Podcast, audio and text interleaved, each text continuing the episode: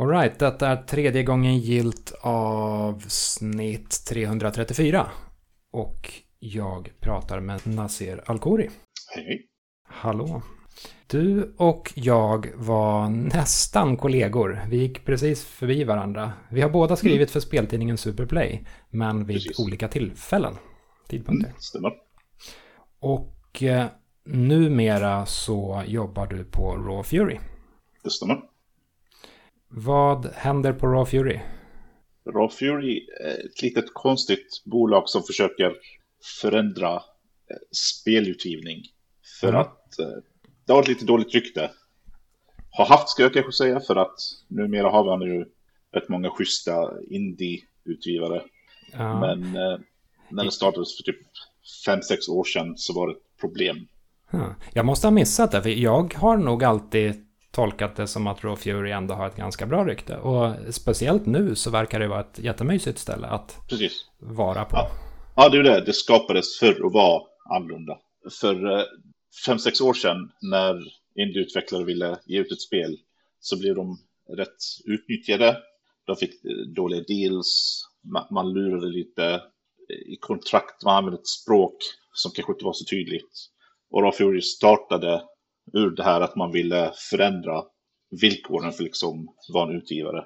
Så man har ett jättetydligt kontrakt, eh, utvecklare som signar vet exakt vad som gäller, vilka Mm. pengar som kommer att få. De äger IP, Mm. liksom eh, rätt mycket var utvecklarvänlig. Och på så sätt, och vilket är liksom lite bevisat här nu också, att om man, man kan behandla människor som människor så kommer man Mm. få ett bra samarbete, vilket leder till bra spel. Mm. För gillar man att jobba med varandra då funkar ju alltid mycket smidigare. Mm. Vad är eh, din roll på Raw Fury? Jag sköter det som finns runt spelet, så att säga.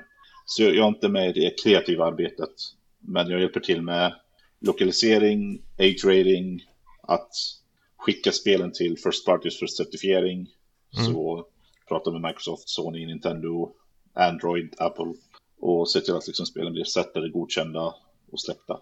Mm. Så är det lite min grej, att göra grejerna som behövs för att ett spel ska komma ut. Mm. Det är ju ett inte helt ovanligt steg att ja, men, ta en, en resa som liknar din. Att, att börja som någon form av spelskribent och sen gå över lite mer åt, ja, vad ska man säga, den andra sidan, den, den faktiska spelsidan av saker och ting. Hur, hur, hur funkade den resan för dig? Det, det är roligt att jag försökte lära mig vad branschen behövde. Mm. Och till en början, liksom, jag kan ju ingenting. Jag kan inte koda, jag är ingen artist. eh, Jag är ingen speldesigner. Så då tänkte jag, jag behöver lära mig mer om spelbranschen. Och då Mm. kan jag, kan jag till exempel göra det genom att gå in i speljournalistiken. L- Liksom vara nyfiken, fråga hur det funkar, kolla lite vad de behöver. Mm. Och eh, sen insåg jag att eh, som vanligt QA-testing ett bra steg in i branschen. Så jag Mm. sökte sådana jobb. Mm. Och man har ingen erfarenhet alls. Så man säger bara liksom, hej, jag älskar spel, jag skriver om spel, jag känner till branschen. Jag kanske kan hjälpa till också. Mm. Så det var så jag kom in. Eh, mitt första jobb på ett mobilspelsföretag. Innan iOS och iPhone och allt det där. Så eh, det gick inte så bra för man sålde inga spel. Nej. Men det var väldigt lärorikt att komma in och vara liksom den här QA-personen, testa, lära sig hur spel skapas.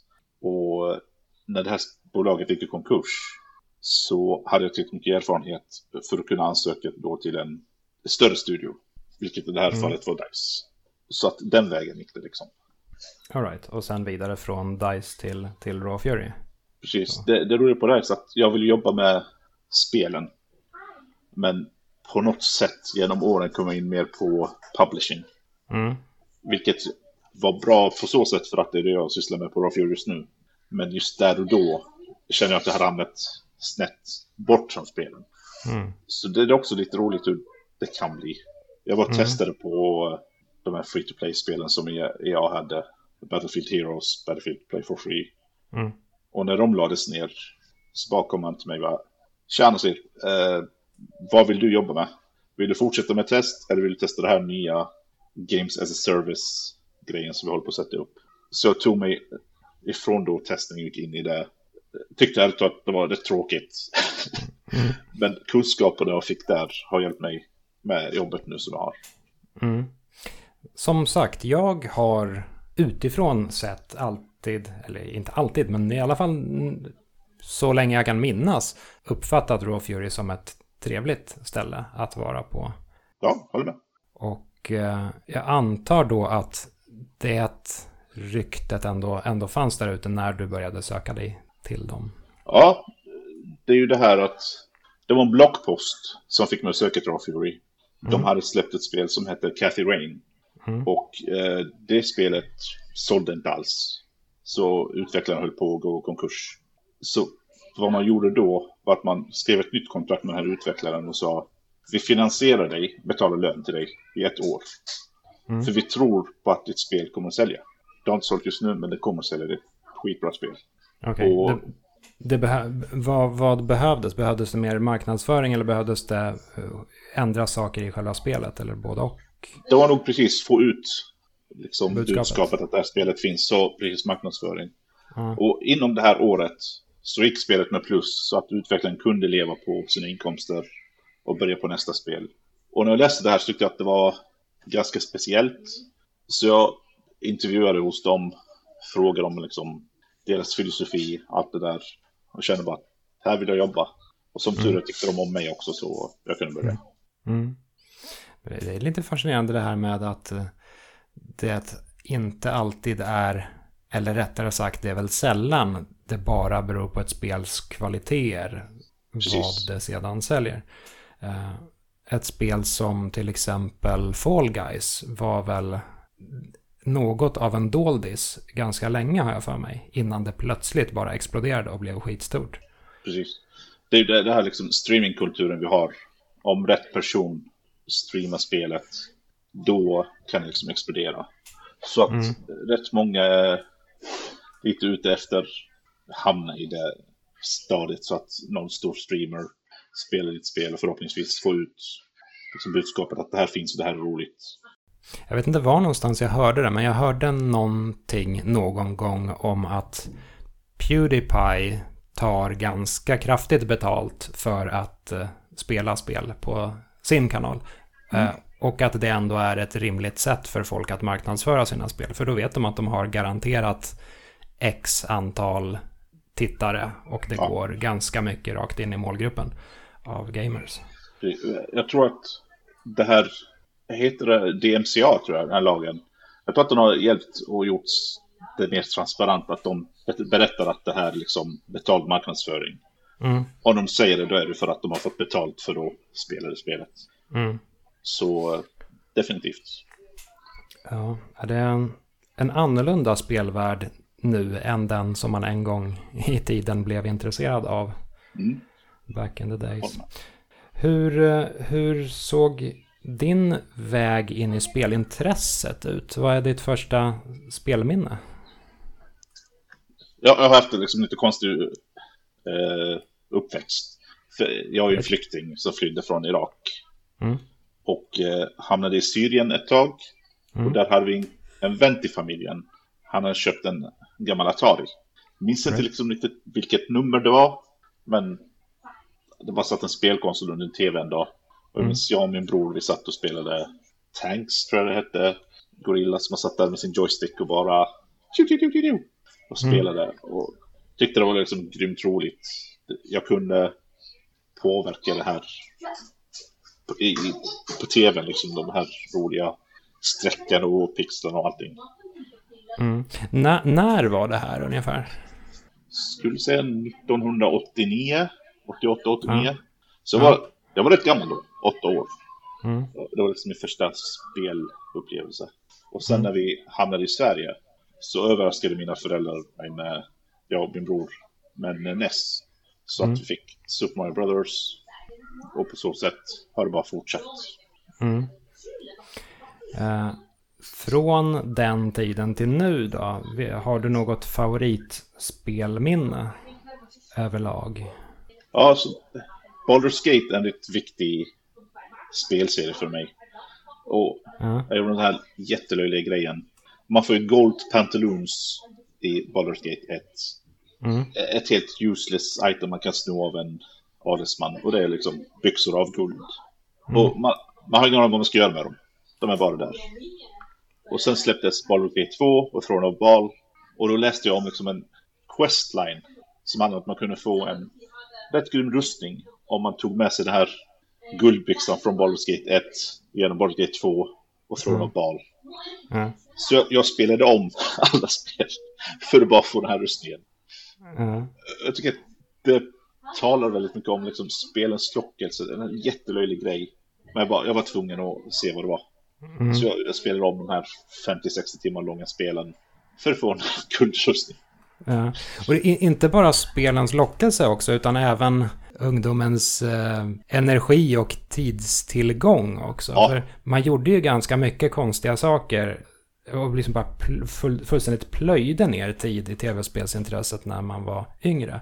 Ja. Eh, nu, nu för tiden så händer det inte lika ofta att jag gör så att så här, nu ska jag spela tv-spel i tio timmar i sträck.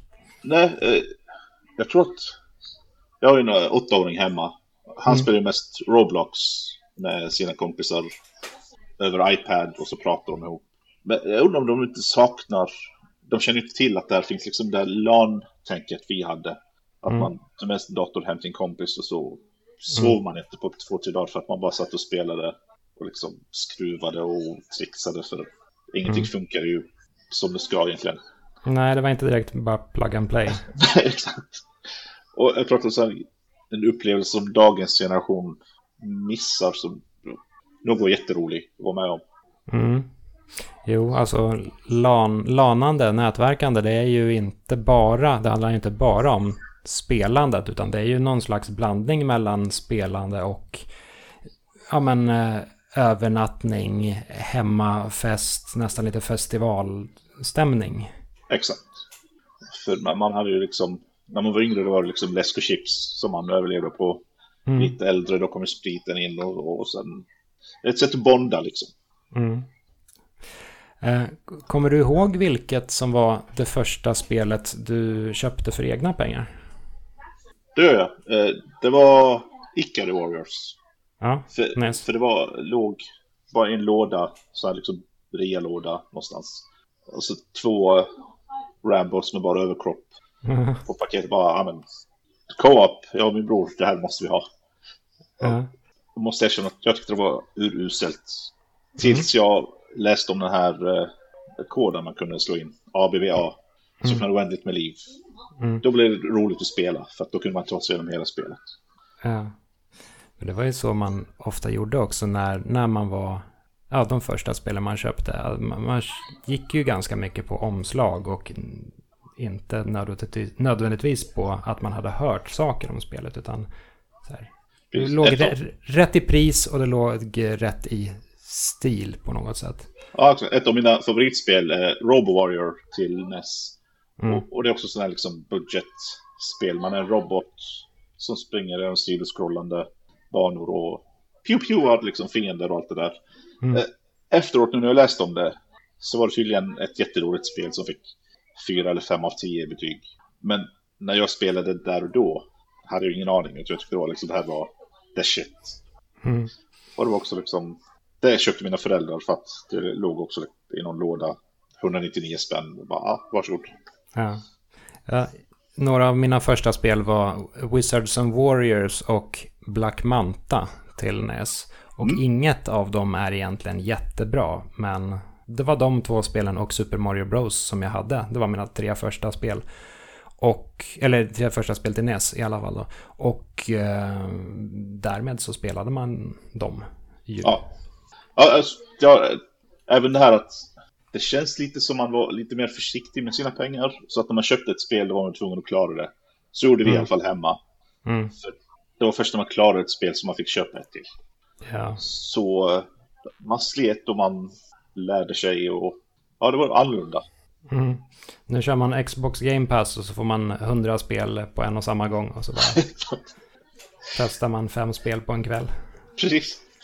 Och ja, jag har ju ungen här och bara, jag får inte installera något spel för minnet är fullt liksom. Hårddisken är full. Ja, men Mm. ja, det är för att sex andra ligger där och de är typ på 100 gig var. Så Mm. yes. Vilket spel tror du att du har eh, tillbringat mest tid med någonsin? Du snackade om Baldur's Gate tidigare och det är ju ett ganska matigt spel. Jag har spelat om det tre gånger, så det är ändå liksom rätt många timmar. Men jag tror att Mm. det tråkiga svaret är nog eh, Star Wars The Old Republic. För att det är liksom ett MMO Mm. Där jag har spelat genom tre olika karaktärer liksom från 0 till max level. Mm. Och det tar jättemånga timmar det där. Mm. Det är ju ändå ett lite roligare svar får jag ändå säga än World of Warcraft som annars är ett ganska vanligt svar på den frågan. Eh, World of Warcraft spelade jag fram till första expansionen. Mm. Sen kände jag själv att det var ett farligt spel. Eh, För jag, jag jobbade ju då. Ja. Och det var nästan så att jag liksom började skita i jobbet för att jag ville spela. Så det, det avinstallerades rätt fort. Ja, när det börjar ta över ens liv då, då ska man tänka efter. Ja, exakt. Så jag har bara spelat grundspelet, vad var det, 2004, 2005? Jag vet inte, jag kommer ihåg. Så Mm. jag har missat hela tåget med expansionen och allt det där. Mm. Ehm, vilken är din favoritkonsol någonsin? Eller maskin rent allmänt? Ja, maskin tycker PC? jag också. Ja, för PC måste jag ärligt känna att det har jag haft roligast med. Mm. För det är också lite den typen av spel som släpps till PC. Ja, numera är det ju liksom allting släpps ju till allting. Men jag är ju svag för rollspel. Och Mm. de bästa fanns på PC bara. Mm. Så PC absolut. PC, yes. Ehm, vad eh, spelar du just nu? Just nu spelar jag ett spel som heter The Hex. eh, Ett indiespel. Mm. Som är eh, ganska meta. Så om man kan spelbranschen så är det väldigt många liksom påskägg och lite nudges och det är rätt roligt att spela för att det är en liten parodi på spelbranschen, hur, de, hur spel utvecklas och, då utvecklare får stå ut med. Mm. Är det en PC? Ja, precis. Jag tror, jag tror att det är bara PC. Ja. The Hex. Jag har nog inte hört talas om det. Jag har missat det. Det, är rätt, det börjar med att det är sex konstiga karaktärer i ett värdhus. Ja. Och så säger eh, bartendern att en av er kommer att mörda idag. Ja. Och eh, du måste ta, reda på liksom vem. Och sen hamnar man i typ en Mario Brothers parodi. Så eh, kan jag rekommendera. Ja, eh, inledningen låter ju, den låter som en roman, ett romanintro. Ja, och det blir bara konstigare och konstigare så ja, jag älskar det. Nice. Ja, det får jag kolla upp. Eh, vilken spelmelodi nynnade du på senast? Hmm. Det måste ju vara Ocarina of Time. Där. Ja. Song of eh, Storms va? Ja, jag tror det. Precis. Ja, den är fin. Eh, spelar du Skyward Sword för övrigt? På Har inte gjort den. Jag hade ingen Wii U. Så eh, nu när det har kommit ut till Switch så känns det som att jag måste skaffa det. Mm. Det är, eh, det är bra, men det är nog mitt, det, det minst, minst lyckade 3D-Zelda-spelet. Ja. Skulle jag nog säga. Jag har hört många säga det. Alltså, varför? Det har en upprepning som andra Zelda-spel inte riktigt har. Det, och det blir väldigt förutsägbart när man inser den upprepningen. Och sen är det, det är lite inboxat och det känns lite mer som banor än en öppen värld. Ja, jag förstår. Men det är lite ironiskt nu för tiden att man sitter och väntar på uppföljaren till det kanske allra bästa 3D Zelda-spelet i och med Breath of the Wild 2 då. Och eh, fördriver tiden med att eh, istället då spela remaken av den allra sämsta i Skyward Sword. Nintendo är ju smart på det sättet. De vet vad de gör. Använd hypen till att sälja något annat. Mm. Det är sant. Uh, nu ska vi se. Vilken spelutvecklare ser du upp till? Och det kan vara både person eller företag. Det här är svårt. Eh, alltså speciellt med nyheterna som dök upp idag. Just det, om eh, Blizzard. Ja, precis. Så känns det liksom... som att branschen inte mår så bra som jag hade trott. Ja, och, och för den som missade det så är det väl så att Blizzard har blivit stämda. Mm. För att de, ja men, allegedly eh, behandlar kvinnor, kvinn, kvinnliga anställda dåligt. Precis. Och jag menar, jag tror att det är mer än ett Blizzard-problem, utan jag tror att det är ett branschproblem. Mm. För, för man har ju läst jättemånga historier från jättemånga. Så det finns ju något truttet i det här Ja. någonstans. Ja, ja precis. Jag, jag vet inte hur det kommer sluta den här Blizzard-historien, men man, oavsett om Oavsett hur det slutar, oavsett hur sant eller falskt det är, så, så, så är man ju inte speciellt förvånad. Mm. Det känns ju tyvärr som bara ytterligare ett, ett av många, många exempel som har poppat upp. Ja, precis. Så jag, jag skulle nog säga Oskar Stålberg eh, ser upp till hans matematiska genispel. Eh, jag vet inte för rätt länge sedan var det en Tumblr eh, där han la upp ett spel där man bara ploppade liksom våningar eller kuber för att bygga ett höghus. Mm. Och sen dess har han liksom fortsatt experimentera med matematiskt sammansatta spel som är väldigt enkla att spela men som, Mm. som har det här magiska. Så Mm. jag tror att honom ser upp till som utvecklare. Mm. Hellre än Blizzard. Ja, exakt. Ja. Om eh, du fick göra en ny del i någon form av existerande spelserie, vad skulle du, eller vil- vilken spelserie skulle du välja och vad skulle du göra med den i så fall? Hmm. Okej, nu, nu. Jag har ju en spelidé som jag kommer att sammanföra med Call of Duty. Bara för att Ja. det låter bra. All right. Jag har tänkt på liksom. Vi har ju liksom massa shooterspel. Det verkar vara Ja. liksom det som är tryggast att utveckla för eh, liksom AAA. Mm. Så jag skulle vilja liksom spela med de här förväntningarna som folk har på de spelen. Så jag kan tänka mig att du spelar som en liten tjej. Mhm. Eh, ska vi säga Irak, Syrien, någonting. Mm. Eh, och det är mitt in under ett pågående krig. Mm. Ditt hus bombas. Eh, du blir räddad av soldater. Din familj har nog avlidit eh, för att huset liksom föll ner. Mhm. Så du hamnar i USA, låt oss säga. Och sen växer du upp och du är tacksam mot det här landet så du gör militärtjänsten. Du hamnar i en elitstyrka. Och sen skickas du tillbaka till det här landet du kommer ifrån. Sätt det är Irak liksom. Mm. Och ja, nu kan på att eh, under första Gulfkriget råkade du illa ut.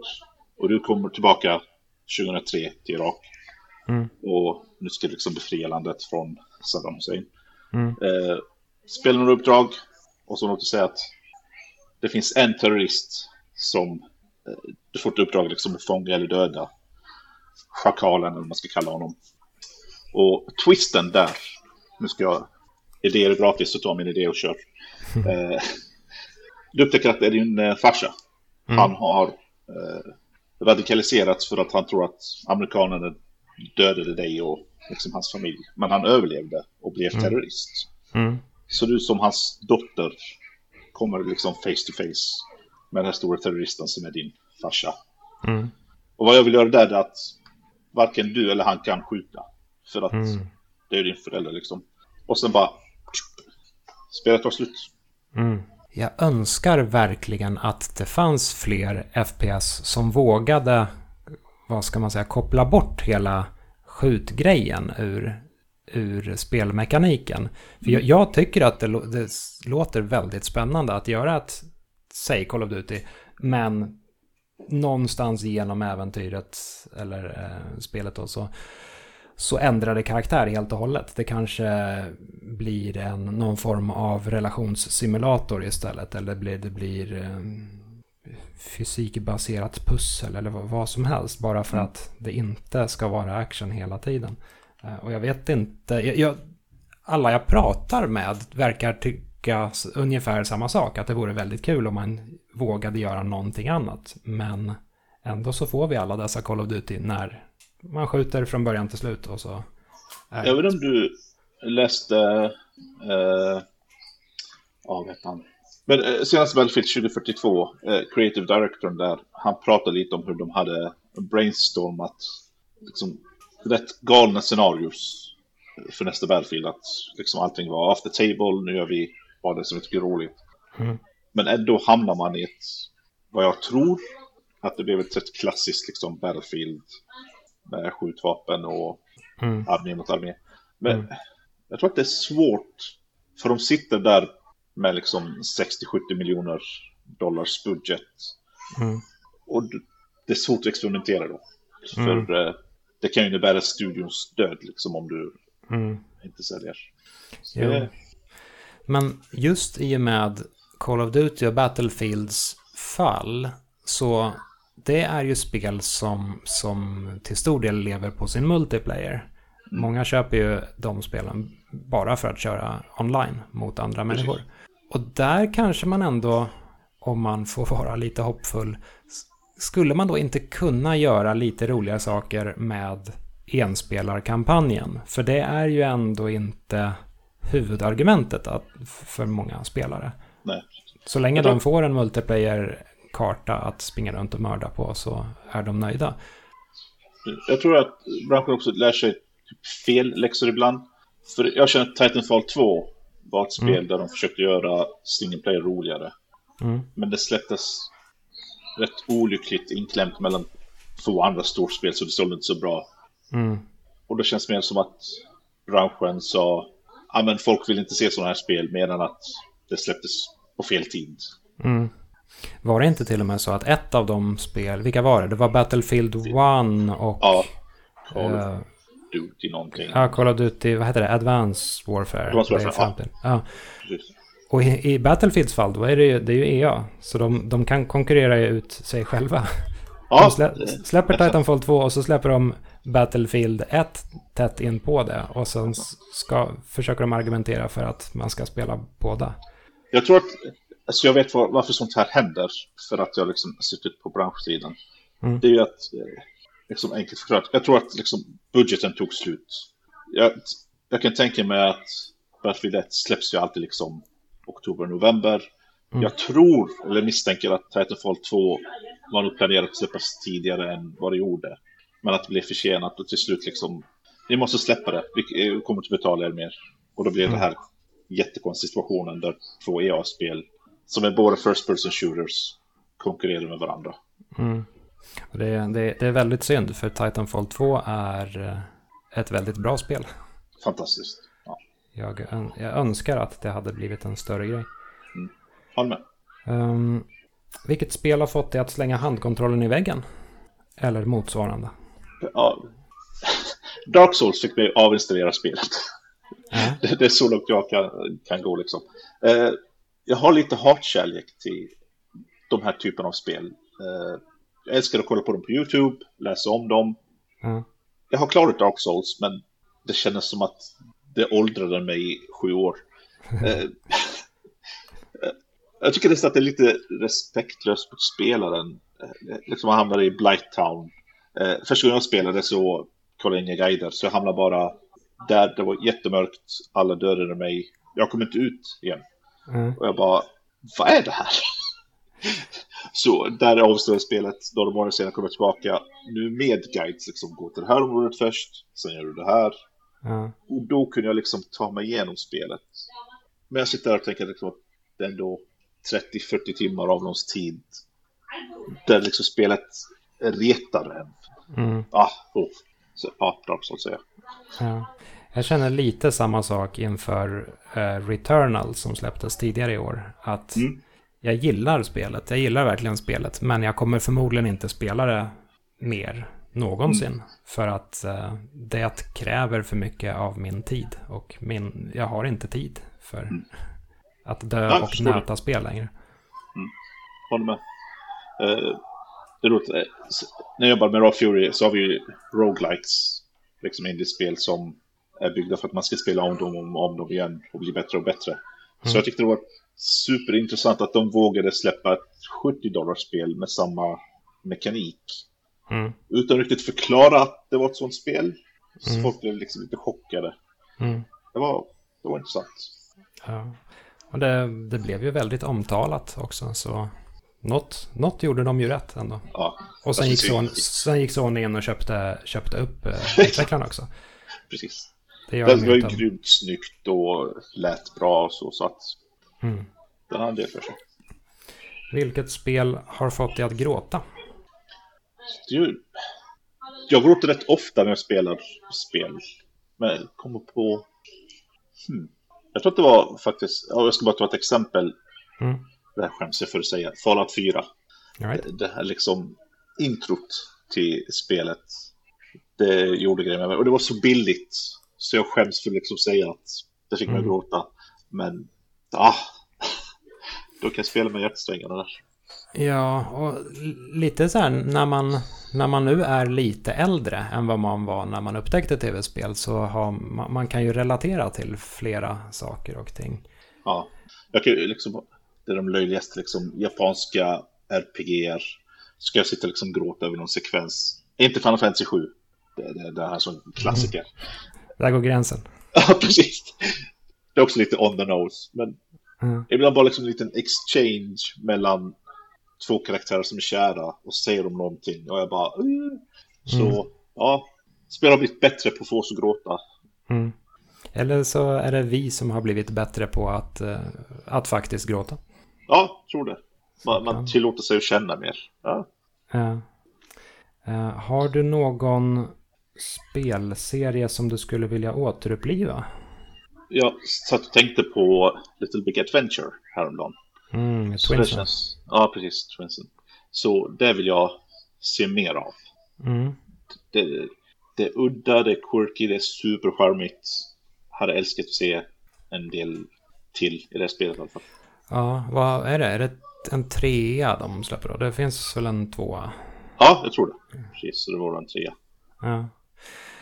Jag undrar dock hur man hur man skulle göra ett nytt Little Big Adventure. För det, det är ju ett ganska, vill, vill jag minnas, jag har inte kört det på jättelänge, men jag minns det som att det var lite småkryptiskt och konstigt och Ja, jag tror mycket handlar ju om liksom, man var tvungen att lära sig kontrollerna för att jag tror att de var isometriska och sen var liksom väldigt mycket utgick från karaktärens riktning.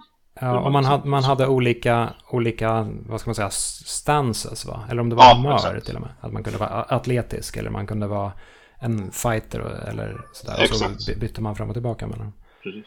Så kanske någon open world nu när du får springa runt fritt i en värld och mer med charm istället för med liksom låsa upp, är lättare för ett torn och låsa upp ännu mer av en karta.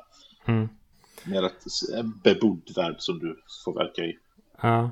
Jo, men om man ska, ja precis. Gör man det till ett öppet, en, ett, en open world och eh, hela stance-grejen kan man ju behålla. Ja. Det, det, det funkar ju bra. Och sen kanske man måste på något sätt göra någon lite halv ny start av, av storyn också för att få Ja, med precis. sig folk. Exakt. Precis. Jag började köra Death's Door bara tidigare idag. Eh, Mm. Och det är ett, ändå, det är ett isometriskt eh, spel. Lite Zelda-aktigt. Man springer runt som en fågel med någon slags ljusabel-liknande grej. Och löser pussel och slåss mot eh, fiender.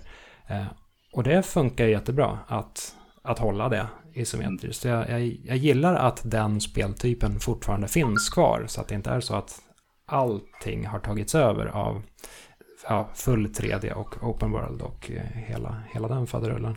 Precis. Jag tror att det finns ju rätt mycket vi har glömt för att man alltid är ute efter liksom eh, första hand liksom sånt som säljer men också liksom att det måste vara 4K 60 FPS. Så man mer jagar liksom tekniska utmaningar än speldesignutmaningar. Mm. Så jag, jag gillar när folk går tillbaka lite och förbättrar det som funkade back in the days. Man gör det Mm. lite bättre. Mm. Och det bör alltså nu är, har vi ändå nått så pass långt tekniskt att man, man kan ju göra, man kan nog förverkliga de flesta spelidéer som finns. Har man en, en idé på något, något konstigt spel man, som man vill göra så går det säkert att snickra ihop ett sånt med Unreal Engine eller Unity eller sådär. Ja, det är därför det finns liksom tusentals spel. Jag tror att jag läste att det släpps på Steam typ, vad var det, 20 spel om dagen något sånt. Mm. Helt sinnessjukt många spel. För ja. att det är enklare att göra spel nu för tiden. Ja, och merparten av alla indiespel som släpps på Steam säljer väl under tusen exemplar. Ja, så att det är också en grej som jag tycker branschen måste lösa. Det är ju hur kan man få kreatörer att leva på sina verk? Mm. Och jag har inget riktigt bra svar, för annars hade jag löst det liksom. Mm. Men discoverability och våga ta betalt också. Det, det, det är en sån här jobbig utmaning. Mm. Nej, det är en svår nöt att knäcka. Mm. Har du, från det ena till det andra, har, har, du någon spelserie du skulle vilja lägga ner? Oh, det där är en intressant fråga. Något som har spelat ut sin roll? Jag kommer säga Fifa. Eh, ja. Jag har riktigt... Jag stödjer detta. Tack. Jag har riktigt svårt för Ultimate Team. Eh, alltså, man kanske inte ska lägga ner sportspel eller fotbollsspel, men jag tycker Ultimate Team är... Det är gambling. Det är jobbigt. Mm. Jag har liksom... Min åttaåring här, han bara, varför köper vi inte kort?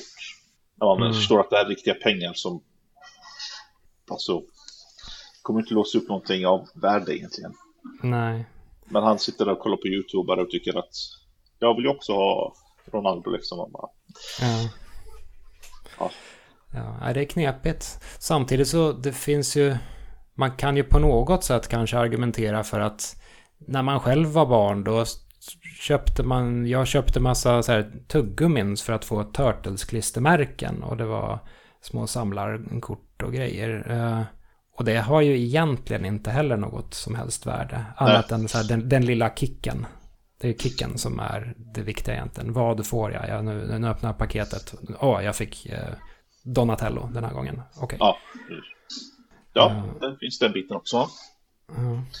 Ja, jag, jag är emot. ja, jo, alltså det... Man känner ju instinktivt att köper man digitala grejer då...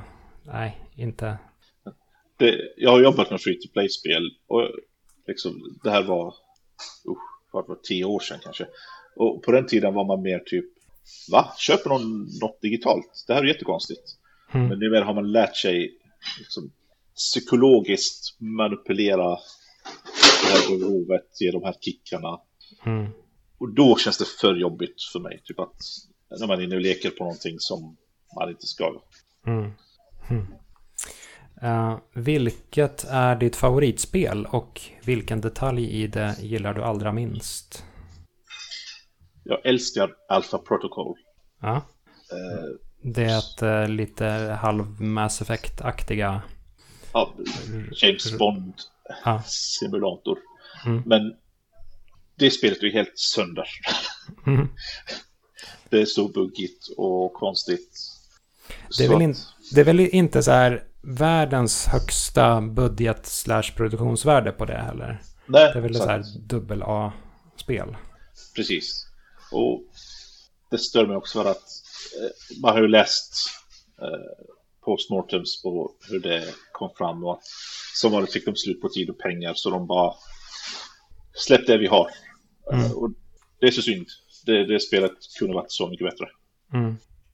Och överlag, det är ju en ganska, ganska unik grej för spelbranschen. Om man jämför med till exempel film eller musikbranschen. Det händer ju kanske mer i film än musik, men bara så här att oj, vår budget tog fullständigt slut. Eh, vi släpper det här i halvfärdigt eh, skick. Det, får bära. Det, det är i alla fall bättre än att inte släppa det alls. Ja.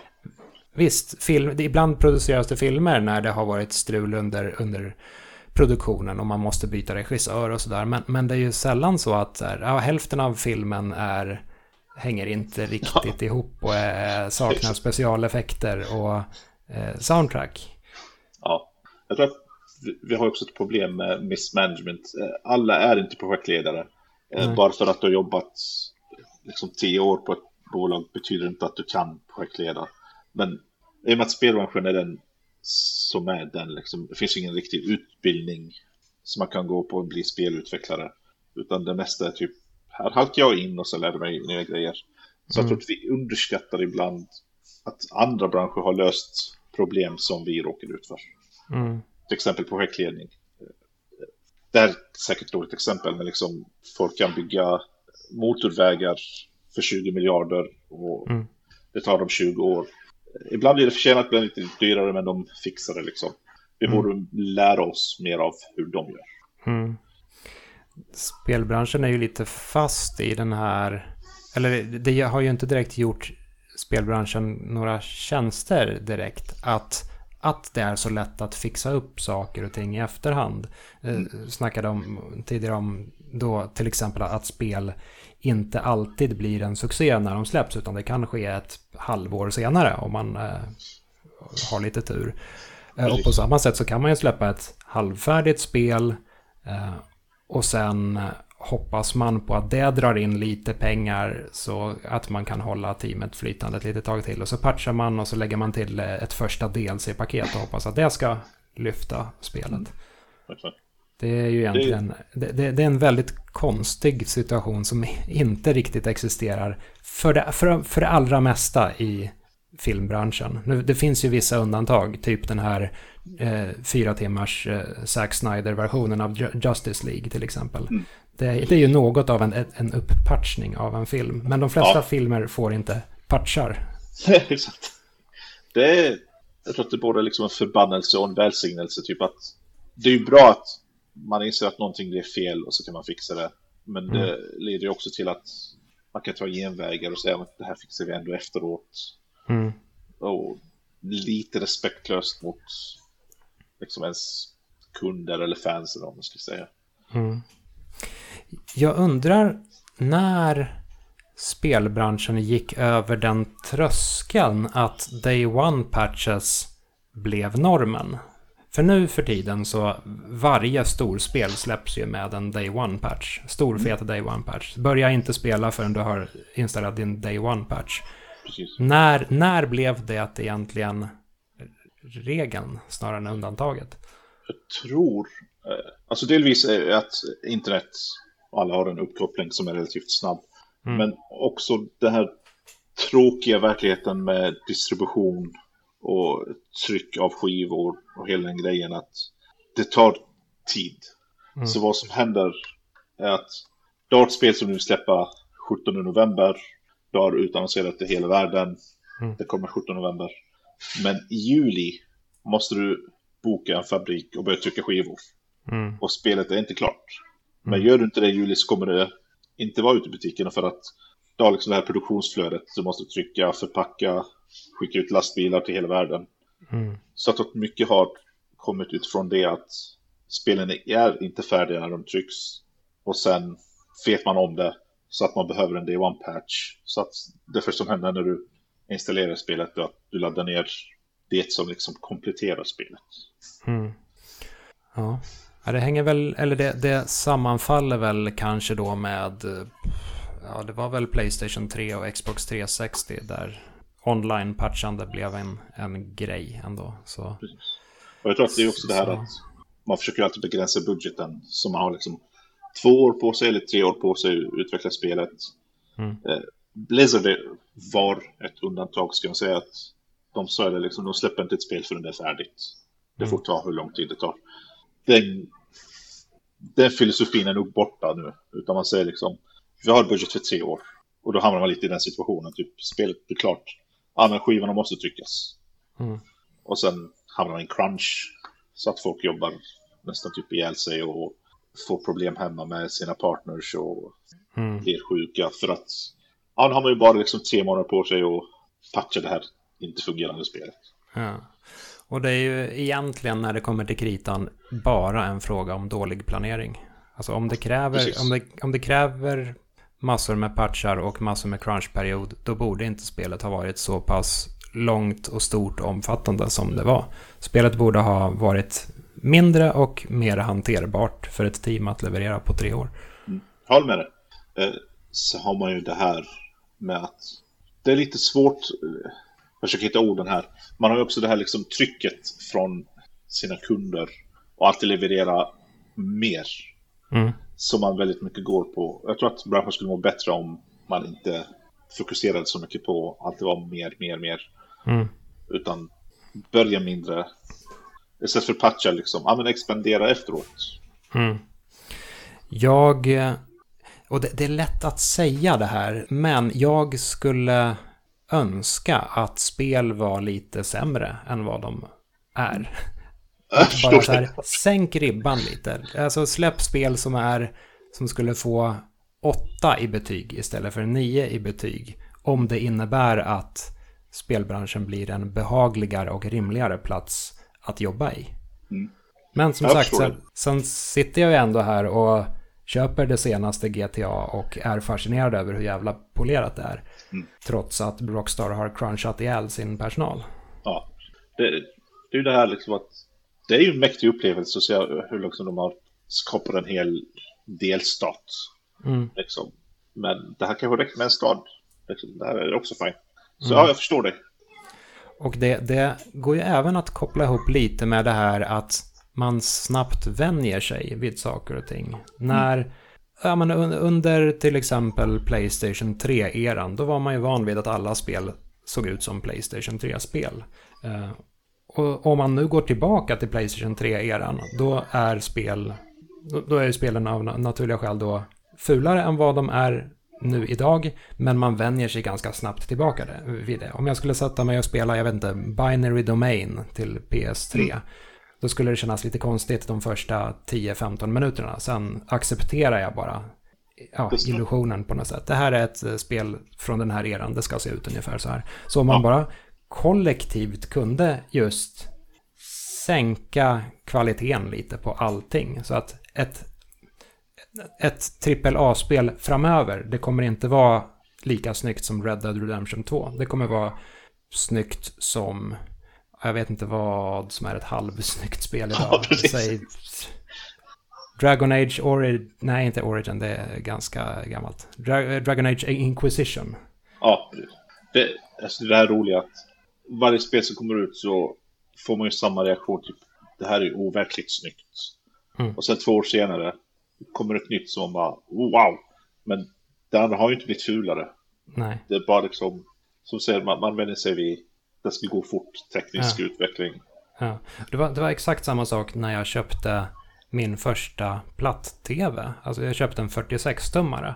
Mm. Och det var ju första kvällen med den var ju skitfantastisk. Satt och kollade på någon Pixar-film och så här. Det här är jätteskarpt, det är jättestor bild. Jävlar vad coolt att ha en sån här i vardagsrummet. Och sen efter ett par dagar så var det ju inte längre en stor skärm. Det var bara den vanliga tv-skärmen. Det var en tv ja. som vilken som helst. Exakt. Ja, det, det är så. Jag har en 32-tummare. Så mm. jag känner inte att den är liten. Men så går man runt i affären och kollar. Det är 65-tummare som är typ standard. Man bara Holy shit, de är mm. stora. Mm. Så jag, jag är lite rädd för att köpa en. För jag tycker att det känns för stort. Mm. Så, ja, allt är objektivt, liksom. det man har är det man är van vid. Mm. Vilket spel skulle du vilja ta med dig till en öde ö? Jag skulle nog, jag ska inte säga Tetris för det är standard. Mm. Uh, men lite den typen av spel som man inte kan tröttna på. Peggle? Mm. Kanske? Ja. ja. Int för det kan man bara spela om och om igen. Ja. Intressant alternativ till Tetris. Valet mellan Tetris och Peggle. Det blir Peggle. För Tetris låter tråkigt. Alla skulle ja. ta med det tror jag. Ja, jo men det blir så. Tetris svarar alla där och så svarar alla World of Warcraft med mm. tid, tidssinken. Slutligen då, eh, vad är din största spelpepp just nu? Vad ser du fram emot? Jag har ingen Playstation 5 än. Och, och den lockar mig, måste jag mm. Eh, bara det här liksom haptisk feedback. Jag vill se vad det är för någonting. Påverkar det spelet på något sätt. Ja. Är det, det, det, är mer hårdvaran i sig som lockar. Det är inte ett specifikt spel. Eller? Jag måste säga, när jag kollade på E3. Mm. så var jag rätt liksom, besviken. För det var inget spel som bara fick mig att gå wow, det här vill jag ha. Så jag väntar på någonting som kommer att fånga mig. Mm. Ja, Horizon ser ju bra ut framöver. Hoppas det. Ja, jag spelade ettan, gillade det, men tyckte att det var liksom för mycket utfyllnad. Mm. Det är mm. konstigt att säga det kanske om open spel men jag hade gärna sett det mer fokuserat. Jag misstänker att tvåan kommer att vara större. Mm. Så. Mm. Ja, nej men uh, en PS5 är ju... Jag, jag kände också pepp. Jag, jag har, har en PS5 hemma nu för tiden. Men inför det köpet så var jag nog mer peppad på just själva upplevelsen att köra Playstation 5 än att köra något specifikt. Visst, jag ville köra Demon Souls, eh, men bara så här att känna nya handkontrollen och veta att laddningstiderna är snabbare och, och så där. Det, det var nästan den största drivkraften jag hade. Ja, det är där jag är nu liksom. Jag vill mm. uppleva det här, se om det är nytt. Ja, och eh, det här spelet man får med eh, gratis, Astros Playroom, är en väldigt bra liten demoversion av vad kontrollen eh, ändå innebär. Mm. Så den ska man definitivt spela som liksom första spel till PS5. Sen, ja, nu kom på, Baldur's Gate 3 finns ju.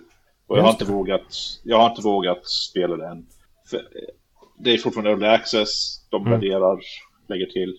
Så jag väntar på att det ska komma ut i liksom full version på riktigt. Ja, det är väl buggigt som in i helvete just nu. Ja, precis. Eh, jag sitter och följer dem och säger ah, nu gör vi en save wipe, nu måste alla starta om från början. Mm. Jag avskyr sånt där. Mm. Eh, har det något datum? Nej. Nej, jag tror inte de har sagt någonting. Utan liksom, det får ta den tid det tar.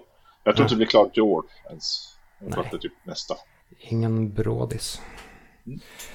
Nej. Nej men eh, då så, vad trevligt att du ville, ville gästa lite. Tack så mycket, supertrevligt. Tackar, tackar. Eh, har du någon plats på internet som du kallar för ditt hem? Jag finns överallt. Jag, jag har massa konton. Men jag är mest aktiv på Twitter. Ja. Så det är bra. Var, eh, var hittar man dig på Twitter? Nasir Al. Så N-A-S-E-E-R-A-L. Jag finns på Viktor Underscore Sjöström på Twitter och på tredje gången podd på eh, Instagram. Så, tack så mycket. Tack, tack.